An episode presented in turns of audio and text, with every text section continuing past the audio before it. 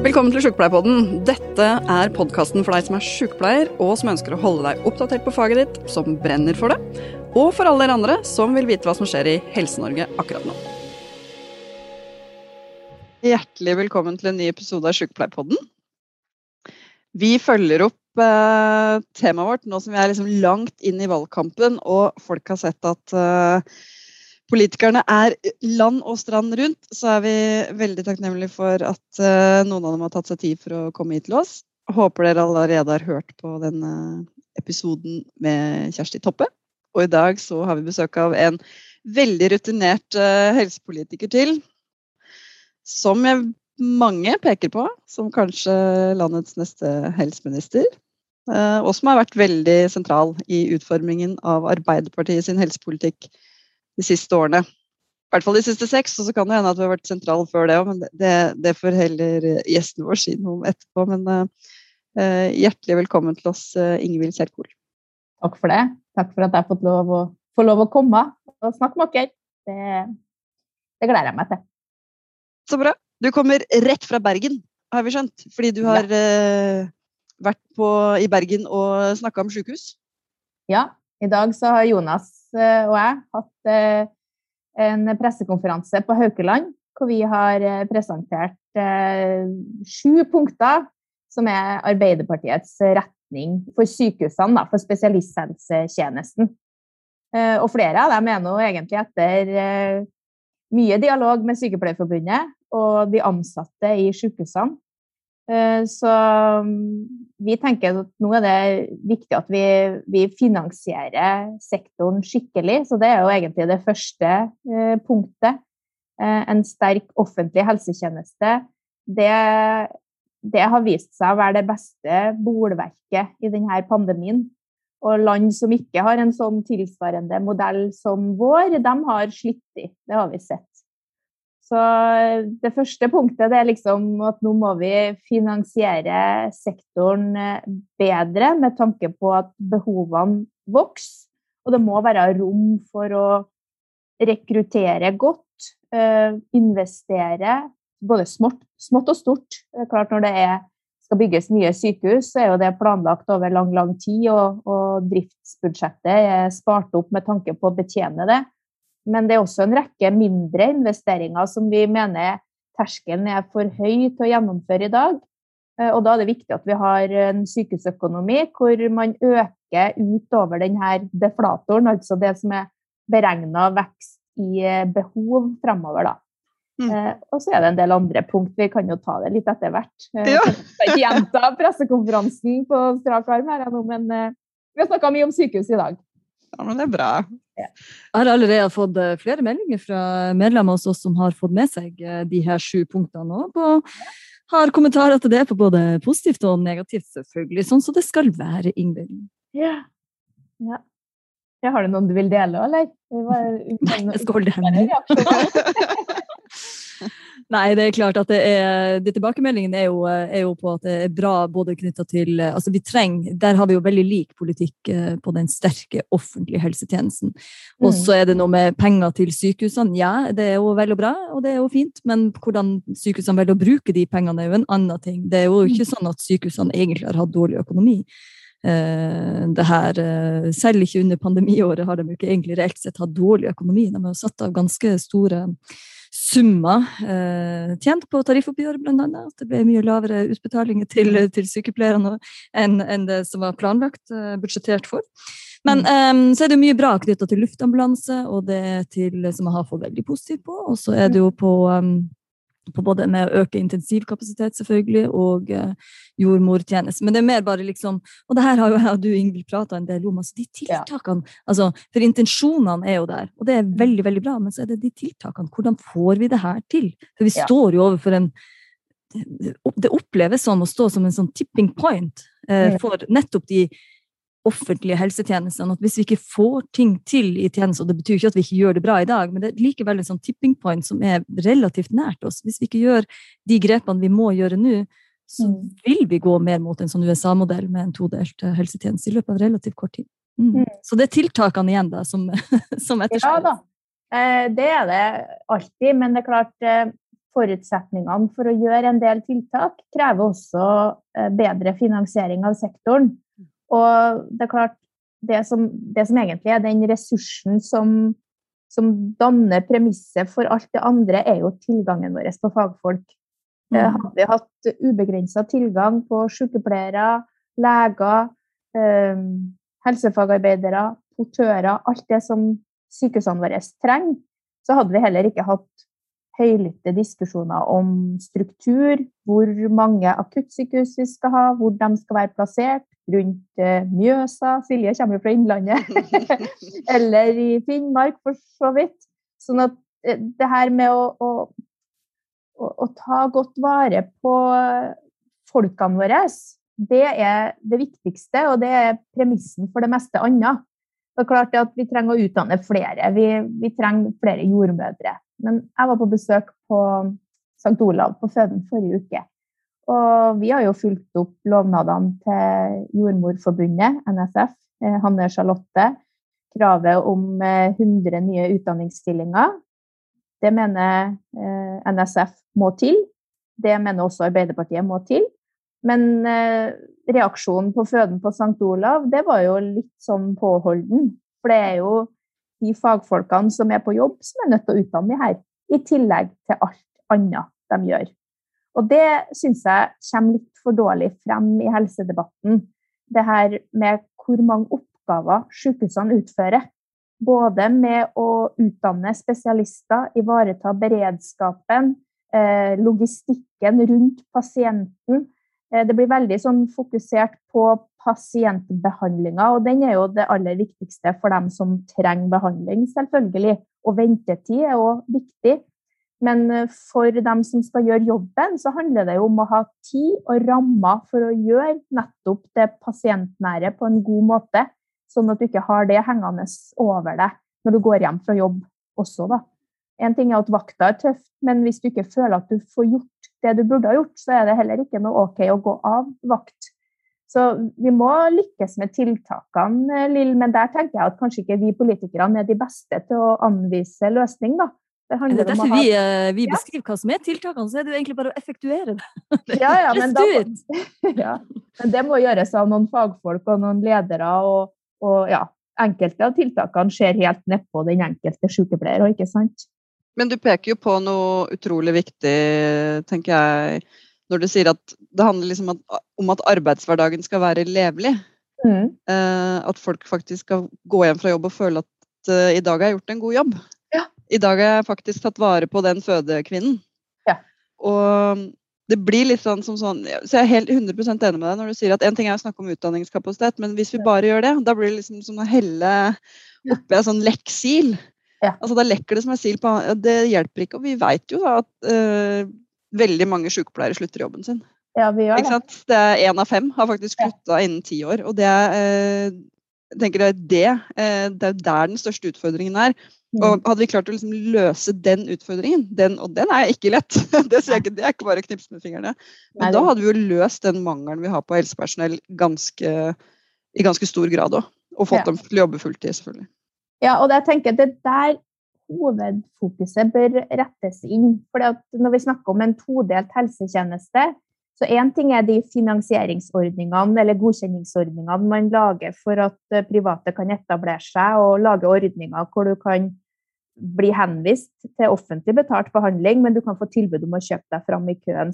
Én ting er de ordningene, men det som bekymrer meg mest, det er at arbeidsbetingelsene i denne store, eh, komplekse offentlige tjenesten gjør selve arbeidshverdagen så kompleks og strevsom at det finnes et enklere alternativ for fagoppfolkene våre i en privat sektor på sida. Det er min store bekymring. er det.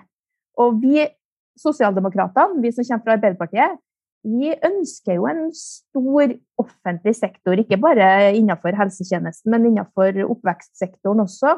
Og da tenker jeg at vi må lage de beste arbeidsforholdene. Vi må ha tillit til fagfolkene, samtidig som vi selvsagt måler tjenesten på noen parameter. For vi må vite litt hvordan ståa er og sånn. Men de her tellekantene har gått for langt. Og så Og så tror jeg det her med ledelse er viktig, og det diskuteres alltid. Eh, vi må ha gode ledere i helsetjenesten. Vi må satse på å videreutdanne dem og sørge for at de får kompetansepåfyll, og vi må ha de gode, nære lederne. Men fagfolkene i helsetjenesten er jo de er ganske kompetente, altså. En sykepleier har en bachelorkompetanse og erfaring fra tjenesten, og er ganske sjølledende i jobben sin. Så det å lede sånn kunnskapsarbeidere Jeg tror vi har litt overdreven tro på ledelse. Jeg tror systemene i større grad må legge til rette for at faget kommer At vi har tillit til at fagfolkene i møte med pasienten vet og kan det de skal gjøre. Og hvordan vi får til det, det hadde jo vært deilig om det bare var en sånn quick fix, da. Men det er en kontinuerlig dialog og push i en retning hvor du har respekt for faget, altså. Mm. Uh, og det er alltid fristende å være detaljstyrende politikere. For da får vi sjekka ut at vi har løfta fokus på en spesiell ting, liksom. Men eh, jeg tror vi skal la fagfolkene stå i front, og da tror jeg vi må gjøre noe annerledes både i måten vi finansierer en del av eh, funksjonene i sykehusene, forenkle det, men også det er en av grunnene til at vi liker å diskutere organisering veldig mye i helsepolitikken. det her da. Mm. Det er det. Ja. Fagfolkene sier likevel noe om at de også trenger grenser. Mm. Eh, sånn tillitsreform er i utgangspunktet fint, og det er jo det, der har vi jo òg lik politikk på at vi ønsker å få ned det som er et unødvendig byråkrati, samtidig som man må ha noen målingsparametere. Men en sykepleier som jeg snakka med for en stund siden, hun beskrev jo nettopp at jeg trenger ikke mer tillit. Jeg har fått tillit i massevis. Altså, jeg trenger grenser. Jeg trenger noen mm. som eh, er i stand til å hjelpe, og at det blir satt noen grenser for meg. Hvis ikke så blir det sånn jeg har full tillit til at du håndterer det her, og så blir det bare lassa på med arbeidsoppgaver. Og det er ikke greit, det heller. Så det er akkurat det der. Og til det med ledelse, så er det noe Jeg møtte på, Vi har et sånn Leadership Change-program, et sånn lederutviklingsprogram gjennom ja. Sykepleierforbundet og gjennom International Council of Nurses, uh, nurse, Nursing. Um, jeg har sett at noen har fått diplomer i ja. sosiale medier. Så bra. Ja, men Det var i går, og det var utrolig fint. Og de prosjektene som de har eh, som de eh, brakte frem og prata om.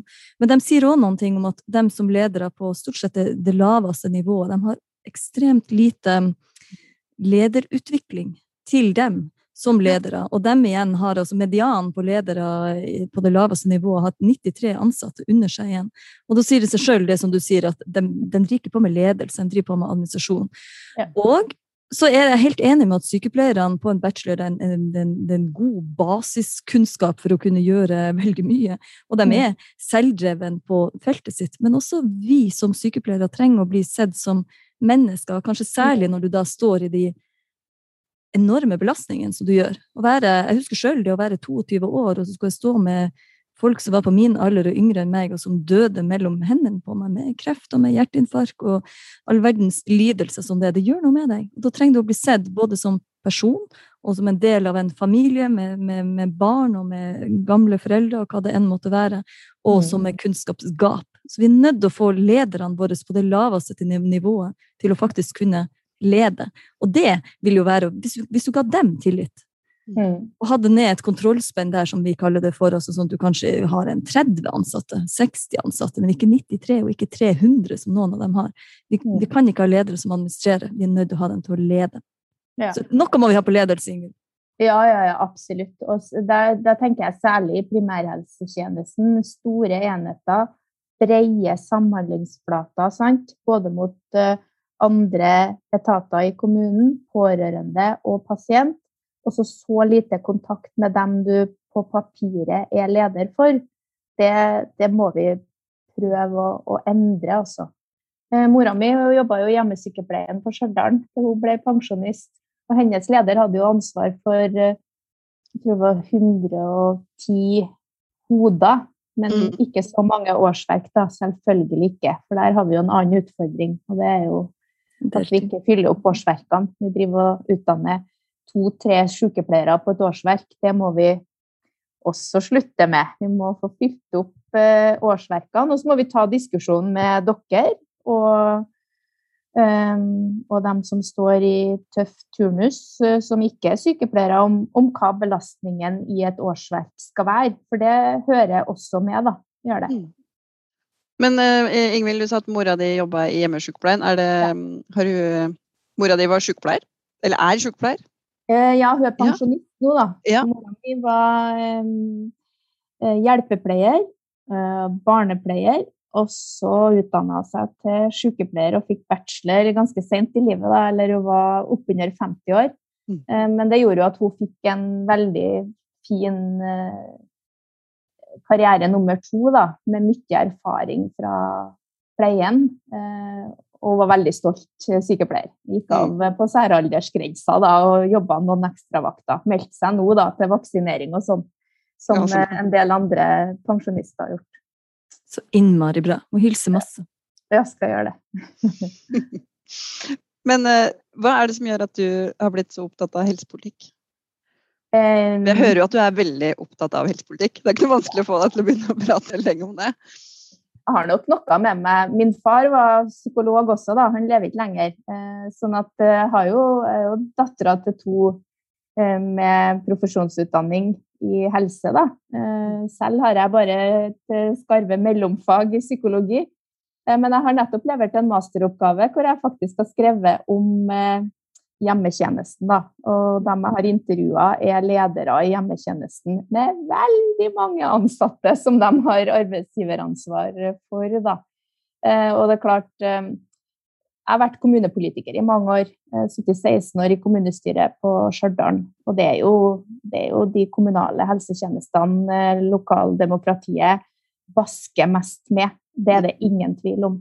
Der er det sterke eh, rettighetstjenester og en kamp om kompetansen. Og det er jo en av de grunnene til at jeg er veldig overbevist om at vi må um, styrke primærhelsetjenesten, selv om den er stor og god sammenlignet med andre land. Så har vi gjennomført en samhandlingsreform for uh, eh, ca. ti år siden nå, hvor sykehusene har gjort det de fikk beskjed om. Dagbehandle mer, skrive ut tidligere. Mens kommunene på tilsvarende vis ikke har blitt satt godt nok i stand til å håndtere de mer komplekse sykdomsforløpene og pasienter med mer sammensatte behov. Og så er det også sånn at mange av de pasientene som kommer ut fra sykehuset nå, de blir jo skrevet ut til heimen sin, eller et, en bosenterleilighet eller et bofellesskap. For 10-15-20 år siden så var det også flere institusjonsplasser og flere senger i kommunene. Det er en samfunnsendring som gjør at eh, vi, vi har veldig tro på det i Arbeiderpartiet, at vi må sette et kvalitetsfokus på hjemmetjenesten og prøve å sikre en god kvalitet der for dem som har omfattende behov. Mm. For de bor hjemme, vet du. Uh, gjør de, og trenger tjenesten. Da der har vi vært og studert i Tromsø, da, Lill, et pasientsentrert helsetjenesteteam som vi syns er utrolig spennende å prøve å finne uh, finansieringsmodeller som kan bredde ut noe av den praksisen de har forska på og funnet har, har veldig mange gevinster. Da. Og Vi kaller jo det her Samhandling 2.0. Vi mener det hører sammen med, med, det som skjedde for ti år siden. Og at sånn sett er egentlig bare halve jobben gjort. For det at um, sykehusene dagbehandler så mye som de gjør, og skrive ut så raskt som de gjør, det har jo òg ført til at sykehusene har kunnet behandle langt flere pasienter. Så ventetida har blitt ganske kort i sykehusene.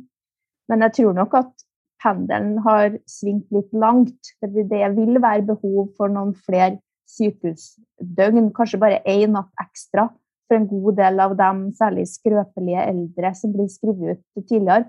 Og det ser vi jo at en del eh, lokalsykehus prøver å lage ordninger for. Da. I Trondheim så har de laga et skille mellom utskrivningsklare og hjemreiseklare pasienter. Og så har man innreda en etasje på pasienthotellet for denne liksom ekstra overnattinga. For at det er mye syke folk. Og det her øker behovene akkurat for disse pasientgruppene er voksende. Sant? I 2030 så er vi flere eldre enn barn i Norge. Og det er, det er et historisk skifte i det norske samfunnet. Og det er en stor omstilling. Vi snakker mye om klimaomstilling, at det er liksom veldig gjennomgripende. Men endringene i demografi i årene som kommer, det er en stor omstilling for det norske samfunnet. altså. Og der er vi nok ikke godt nok forberedt. Vi må gjøre mye. Så ja. Og det er, jo, det er, jo, bare noen få år til, egentlig. Altså den, um, den krysslinja ligger vel egentlig i 2025. Mm. Ja. Knytta til flere eldre enn det vi egentlig har folk til å ta vare på dem uh, til. Og i distriktene kommer det først. Så det er jo en tilleggsutfordring. Mm. Distriktene og i nord og i rurale strøk. Vest, vest og nord. Rurale strøk. Mm. Men det er jo um, det er jo nettopp derfor vi, vi, vi opplever den hassen eh, mm. knytta til de tiltakene i primærhelsetjenesten. Og så har jeg snakka med deg tidligere, Ingvild, om, om, det med til primærhelsetjenesten, hva det består i. For at du er flink å nevne fastlegeordninga, det heier jo vi også inderlig eh, på. Vi trenger fastlegen. Og så vet du at du av og til får litt kritikk for at um, vi, vi, trenger deg til å snakke om sykepleierkrisen, om sykepleiermangelen. Hva tenker du om det? Og særlig det å bygge opp sykepleierkompetanse i uh, i kommunale helse- og omsorgstjenester. Ja, det, det syns jeg er berettiget at du påpeker det, Lill. Eh, men det er klart, fastlegen utgjør en sånn, en sånn grunnmurfunksjon. De, liksom, de har oppgaver som gjør at de holder deler av tjenesten sammen, med tanke da på pasientene sine rettigheter. Mange av eh pasientene, eller flesteparten av pasientene i Norge, de trenger jo bare en allmennlegespesialist til, til det de har av helseproblemer. Så det er en veldig viktig funksjon. Og det er klart, Hvis vi har hatt litt bedre kontroll på fastlegesituasjonen, så hadde det vært mer produktivt å snakke mer om oppgaver som åpenbart sykepleiere kan og bør gjøre, som fastlegene i dag gjør. Så det er litt sånn, Vi må stabilisere den ordninga, tenker jeg. Nå pågår det jo piloter på primærhelseteam, som det blir veldig interessant å, å høste erfaringer fra. Pilotering handler jo egentlig om å oppskalere, så det er jo noe Hvis vi får tillit til høsten, så må vi jo ta tak i primærhelseteamene. Og så har vi også denne eh, masteren i avansert klinisk sykepleie, som òg blir spennende å følge. Sånn at det skjer veldig mye, og vi, vi, vil gjerne snakke mer om det her. Altså, Lill, det er ikke noe nedprioritering av sykepleiermangelen. Den er faktisk like akutt som fastlegemangelen. Men det er klart, fastleger Det at 100 000 står unna uten fastlege, det kan gi sånne ringvirkninger oppover i spesialisthelsetjenesten som gjør at eh, At vi mister kontroll på kostnadene. Så og Det er derfor, derfor, vi også heier inderlig på fastlegen. Alle har uh, behov for en, uh, for en, fastlege. Og så er det jo nettopp det er derfor jeg, har, jeg kommer rett ifra, um, legeforeningen Legeforeninga sin avtakking av uh, tidligere da, president Marit Hermansen. og der sang jeg da i en, i en takketale til henne, så begynte jeg da å synge denne Unit 5 sin sang da med 'Kjære doktor'. Den er fra 70-tallet og skrevet på 70-tallet for hvordan er det du klarer å få fastleger til å faktisk, eller på den tida doktorene, til å komme mm. til nord i det hele tatt. Før du hadde universitet og medisinsk Eh, utdanning da, eh, av legene der. Men vi mm. står egentlig litt i samme greia. Det er jo ikke sånn at vi mangler leger egentlig i Norge.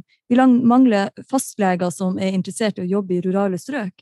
Så da må det være noe insentiv som faktisk Og nå er det jo, det er jo et interessepolitisk mesterstykke gjort av Legeforeninga, egentlig. Altså, det er jo regjeringa sin um, uh, altså det allmennlegetjenesten sin altså Handlingsplanen for allmennlegetjenesten er jo den mm. største økonomiske satsinga innenfor helsesektoren som denne sittende regjeringa noensinne altså har gjort på de her åtte årene. Så de har jo virkelig fått det til. og så Det er derfor jeg måtte si til dem i Legeforeningen at nå må de få dem ut. Nå har de fått dem, og de har fått penger til det, masse millioner til det. Nå må de få dem ut i de rurale strøk, sånn at jeg slipper å synge 'Kjære doktor' i 2021 også for å få dem til å komme til der jeg er fra opprinnelig.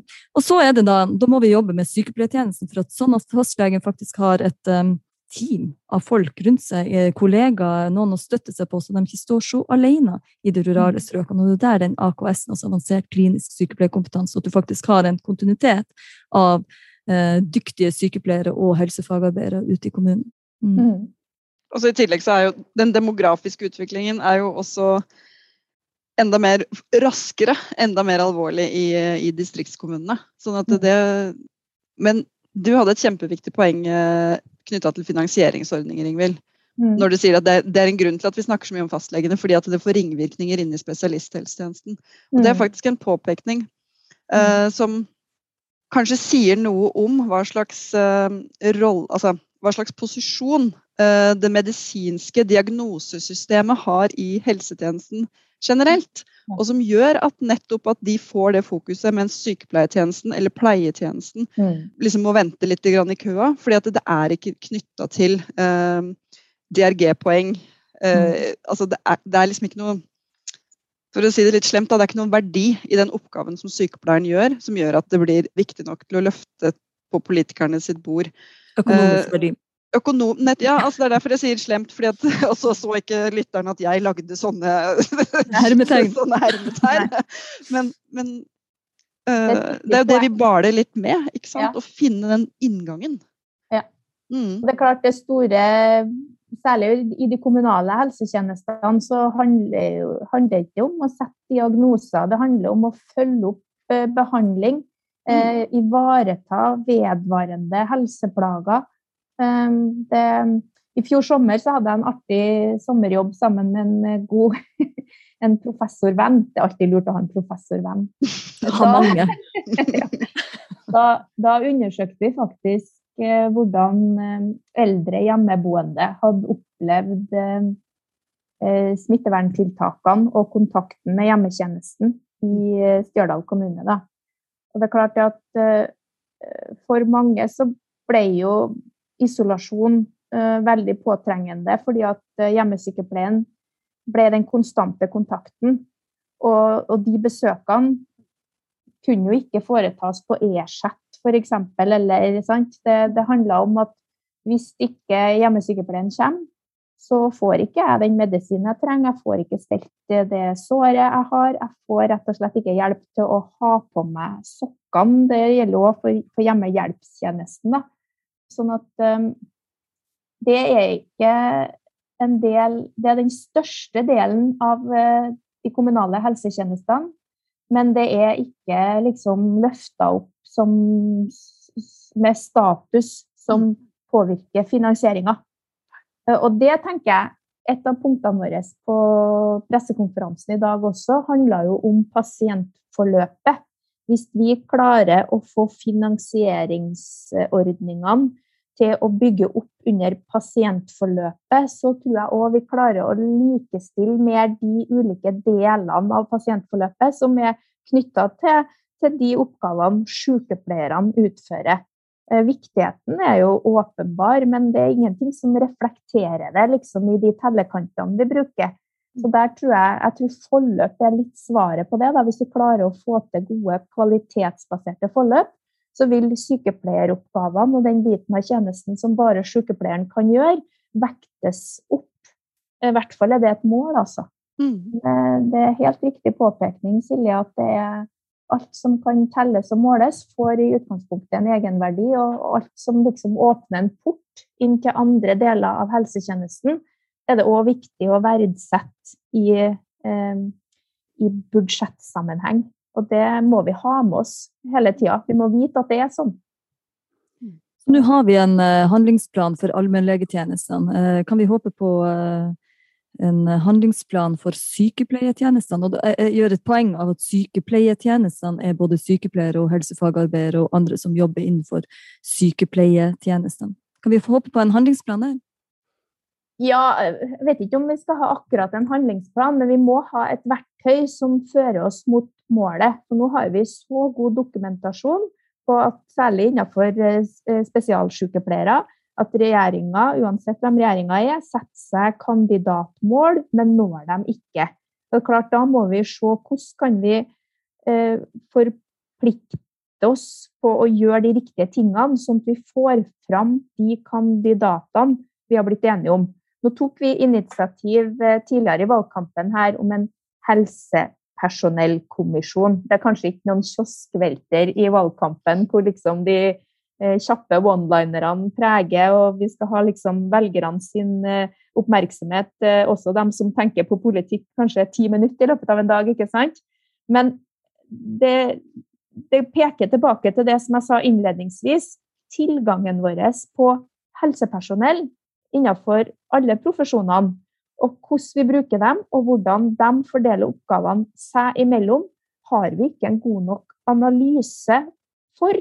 Dette er komplekse sammenhenger. De følger ikke de hierarkiske strukturene i tjenesten.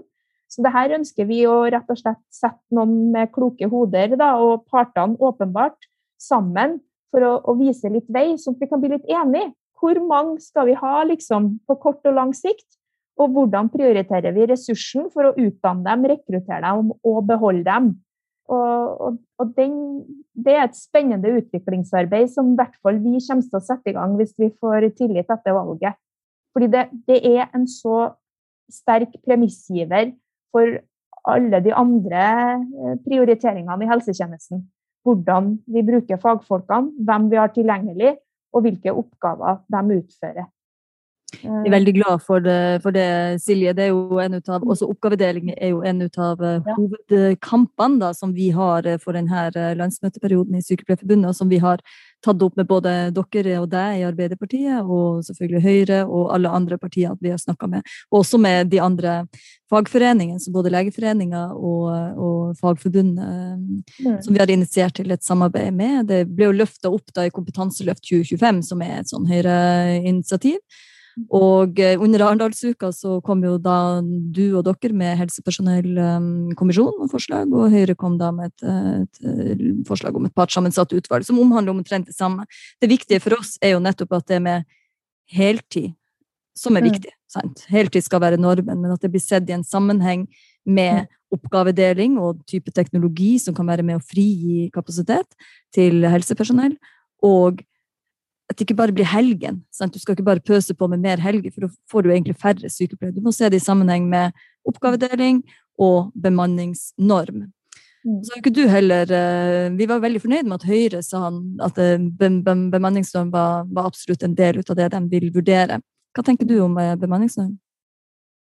Vi, nå har ikke vi gått inn for det i vårt partiprogram, har vi ikke. Men det å ha en økt grunnbemanning men hvordan vi sikrer nok og riktig kompetanse, det må vi ha mekanismer som ivaretar. Så det er vi ikke, det er vi ikke motstander av.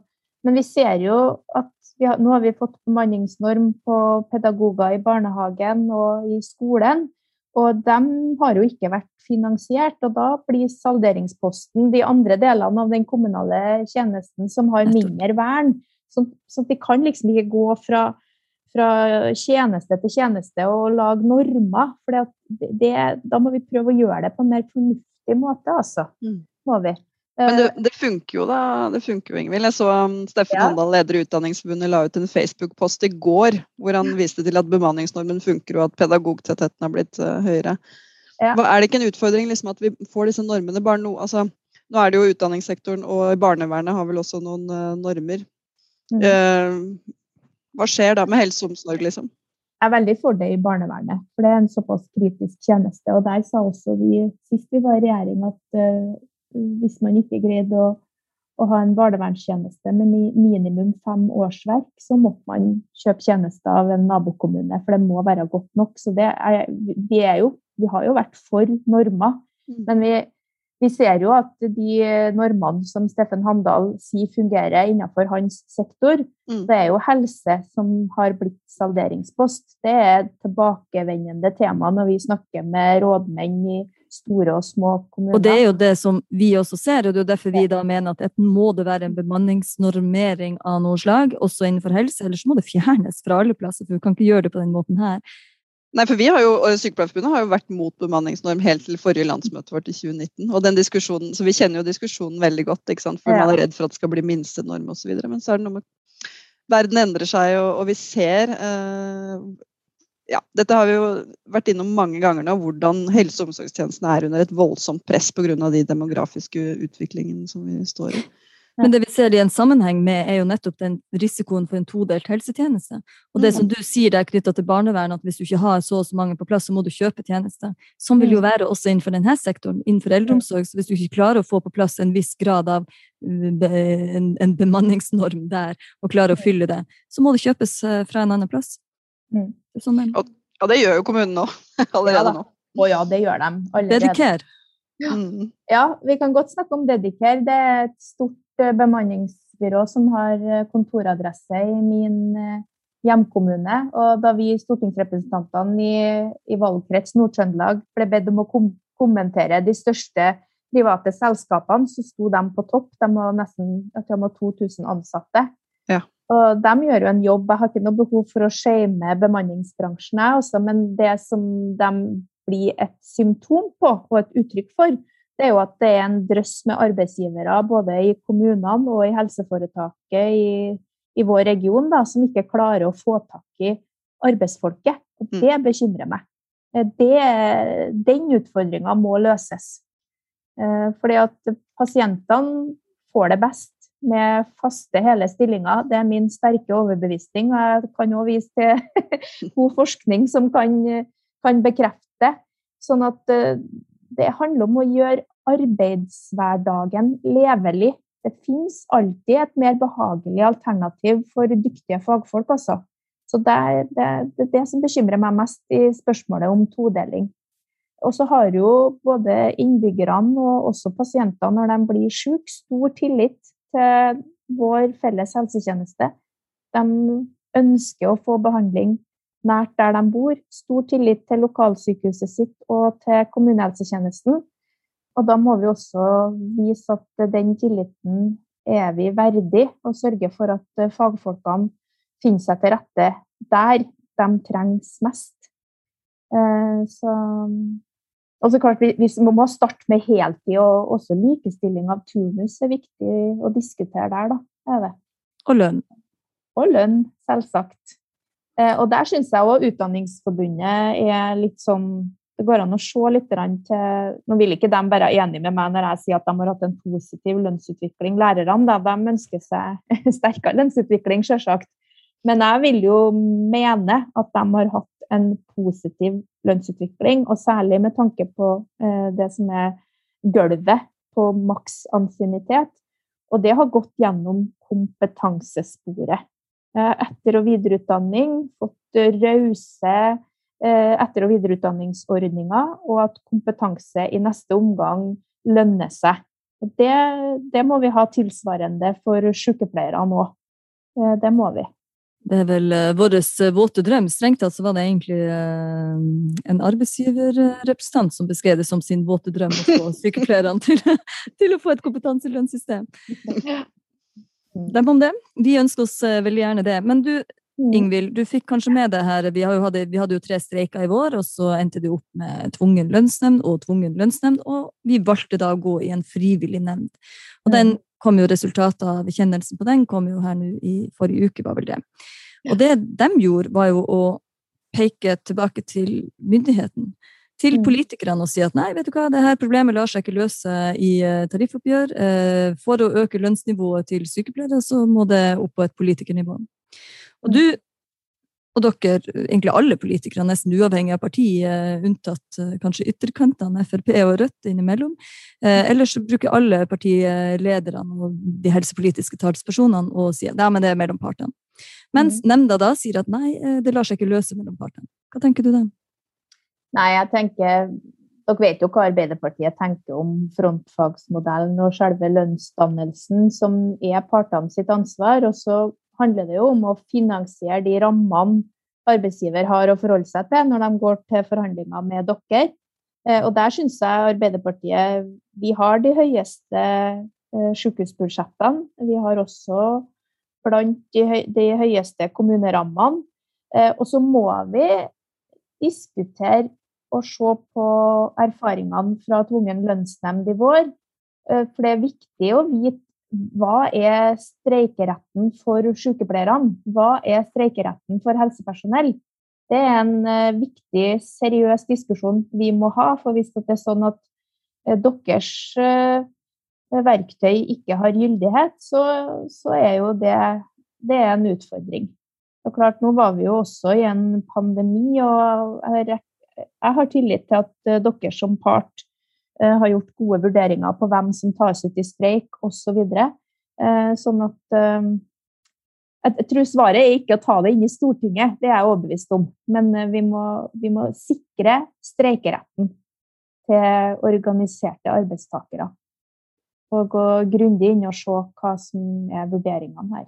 Mm. Og så kan det jo komme et oppgjør igjen hvor ting blir glemt. Men eh, jeg hadde i hvert fall vært opptatt av akkurat den biten hvis jeg hadde vært tillitsvalgt i NSF. da, eh, Om vi i det hele tatt har streikerett. Men hvordan Altså, vi streikerett har vi jo, eh, eh, for å si det sånn, men 11 av 12 streiker har blitt tatt i tvungen lønnsnemnd. Så mm. det er klart eh, men, men, hva tenker du om altså Dette er jo en likelønnsutfordring som vi prøver å peke på når vi kritiserer frontfaget. Og, og vi har jo òg vært veldig tydelige på at det er ikke liksom det er ikke noe tvil om at frontfaget har tjent oss godt. Eh, frontfaget er en lur ordning, men den har en stor svakhet. Og det er det at den sementerer eh, nivåforskjellene og da mm. spesielt for uh, kvinnedominert utdanningssektor, som, uh, som vi representerer. De med høyere utdannelse i offentlig sektor. Og mm. mellom de med høyere utdannelse i privat sektor.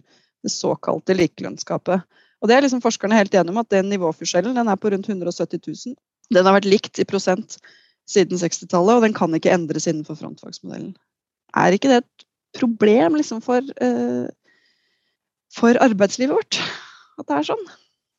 Jo, det er et problem, og problemer må man jo søke å løse. Eh, og mm. det er klart, hvis, det, hvis man kan finne alternative måter å løse det på, så bør vi jo utforske dem. Eh, likelønnspott, sant? at det òg mm. forhandles samtidig som frontfaget, f.eks. Eh, jeg tror at det finnes måter å ivareta det. Likestilling av turnus går kanskje mer Det går jo på arbeidstid, da. Og her snakker vi om lønn. Eh, sånn at det å, å, å innenfor den modellen vi har, eh, søke å finne alternativer hvor du kan ivareta og tette det der eh, gapet mellom kjønnene. Det er vi mm. veldig interessert i i Arbeiderpartiet. Men vi, vi kan ikke vrake en modell før vi har liksom gode alternativer og gode forsikringer og, og utforska andre måter å løse det på. Mm. Um, det er klart Frontfagsmodellen er jo òg viktigst for å sikre norsk kjøpekraft og konkurranseevne med tanke på de verdiene vi henter fra eksportnæringene. Det handler om å få penger utafra og inn i kassa, ikke bare gjennom eh, eh investeringer i oljefondet, men også gjennom eh, på handelsbalansen. Da. Sånn at eh, det, det, er en ganske omfattende modell vi har som påvirker mange i arbeidslivet. Så, og jeg er tilhenger av mer arbeidslivsforskning innenfor helsetjenestene. Mer sånne som Nina Amble og dere der som både forsker på arbeidstid, men også forsker på, på eh, tariffretta ting og, og, og, og ja, eh, virkemidler for å, å, sikre en god lønnsutvikling og, en, et, et bra Eh, gulv for dem som har eh, eh, sykepleierutdanning, sant? en bachelorutdanning og maks ansiennitet. Det er en helt relevant diskusjon. Men vi, vi, kan liksom ikke vrake den modellen vi står i. Det er det som er begrensningene i debatten. Det der våres, Vi ber jo egentlig bare om å få et økt lønnsnivå. Mm. For hvis lønnsnivået til, eh, til sykepleiere ble løfta, så kan frontfagsmodellen sånn sett fortsette å fungere sånn som den gjør. Som du sier, den har tjent eh, Norge godt på mange vis. Vi er jo ikke ute etter å vrake modellen, men vi er ute etter å løse et utfordring som, som er massiv og blir større og større for hvert år. Alternativet er jo, uh, det er jo, det er jo, vi kunne jo, Du Silje, vi kan jo stifte det her Norsk Sykepleierbemanning AS som vi har pratet om. Og så sikrer, sikrer, vi lønnsnivået til sykepleierne eh, på den måten. Det går òg an, men da er du rett inn i den der, den der tipping point inn i en todelt helsetjeneste som mm. Vi vil jo egentlig ikke dit, men det er jo ikke sykepleierne som skal bære det ansvaret på sine skuldre. Det er faktisk et politikeransvar òg. Men vi mm. vet hva du og dere mener om det, og så um, blir det, ser det ut som det kan bli mange streiker fremover. Men jeg skrev ned at Ingvild sa at jo, vi kan snakke om likelønnspott. så, det, så det er bra. Mm. Vi, skal begynne å, vi skal begynne å avrunde. Um, kan jeg spørre om én ting? Ja. Okay. du, eh, du, har kanskje sånne Jeg har mine fem, fem spørsmål til slutten. fem kjappe. ja. Jeg vil gjerne høre Ingvild snakke om kongstanken. Jeg tror jeg spurte Kjersti også om det sist, sist gang.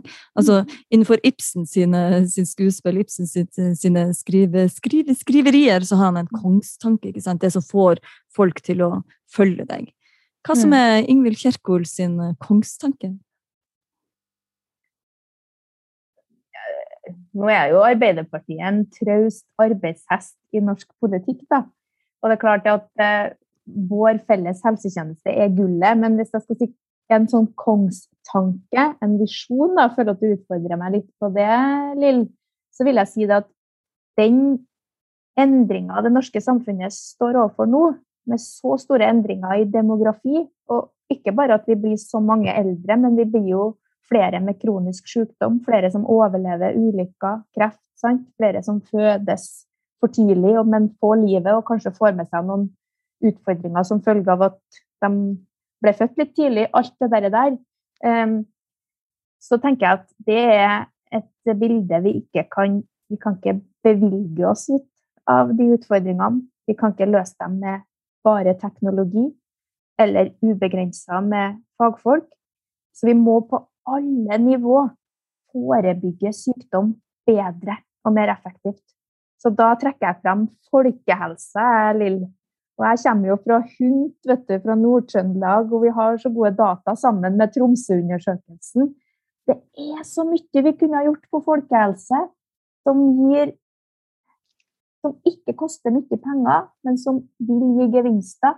Men der er politikerne trege, altså. Der er vi trege. Vi er redd for å bli tante Sofie. Vi er redd for å gå inn i den private sfæren. Eh, men vi må forebygge sykdom der, altså. Både kroppslig, psykisk og liksom alt det som er uhelse. Hm. God helse og livskvalitet er jo FNs tredje bærekraftsmål. Og det siste, livskvalitet, må vi fokusere mye, mye mer på. Jeg er så glad for at du sa akkurat eh, det om eh, folkehelse. Ja, men Det er jo noe som virkelig vi også, Silje, jobber, hm. jobber for, og ikke minst mange av våre faggrupper eh, også har, eh, har, på sitt fokusområde. Og jeg og du, Silje, vi har vi prater mye om det med sosial ulikhet, og hva det gjør for folkehelsa eh, som sådan. Så det, det er mangt og meget å ta tak i her. Virkelig. Vær så god, Silje. Da har du fem kjappe. Ja. Da må du, der her er det bare lov til å svare sånn veldig kort, altså, Ingvild. Mm. Hva hører du på når du kjører bil? Musikk. Åge Aleksandersen. Åge Aleksandersen! Fire pils og en pizza? ja. Jeg hørte på den i valgkampen. Eh, kokekaffe eller caffè latte? Caffè latte. Hvem er Stortingets hyggeligste politiker fra et annet parti? Sveinung Stensland. okay. Han er han jeg snakker mest med. Uh, hvis du skulle bytte yrke, uh, hva ville det blitt? Sykepleier. Nei da. Ikke si nei! enten sykepleier eller psykolog. Jeg må si sykepleier da, når jeg snakker med dere, men enten sykepleier eller psykolog, det var planen. Eller jeg fikk aldri en profesjonsutdanning. Jeg er sånn halvstudert røver, vet du. Så ja. ja. ja. Vi lander på sykepleier. Nå, jeg, nå, skjønte jeg at du hadde mellomfag i psykologi, da, så ville anbefalt deg å ha tatt ferdig den. hvis det skulle være ja. karriererådgiver. Det var planen en gang i tida. Gud, vi mangler 7000 sykepleiere. Ja, ja, ok. Sykepleier hvis, hvis om og når. Og eh, til slutt, da, eh, Ingvild. Eh, hvis du skulle få tilbudet om å bli helseminister, tar du sjansen? Ja, da tar jeg sjansen, ja. Vi gleder oss til eh, godt samarbeid, uansett om det blir helseministerpost eller eh, noe annet spennende i eh, årene fremover. Vi setter stor pris på det samarbeidet som vi har med deg, Ingvild, på alle mulige vis. Og ser frem til Herregud, vi har mye spennende vi skal få til i lag i årene fremover. Og det haster. The tipping point er ganske nært. Vi må få det til. Da må jeg få si skikkelig i like måte, for de faglige innspillene vi får fra dere, er helt uvurderlige. det dere spiller oss eh, kompetent, og vi håper vi klarer å levere. Og vi skjønner at dere ikke er fornøyd med oss alltid. Men, uh, tusen, tusen takk, uh, Ingvild. Så lykke til i resten av valgkampen. Takk. Mm. Husk å stemme.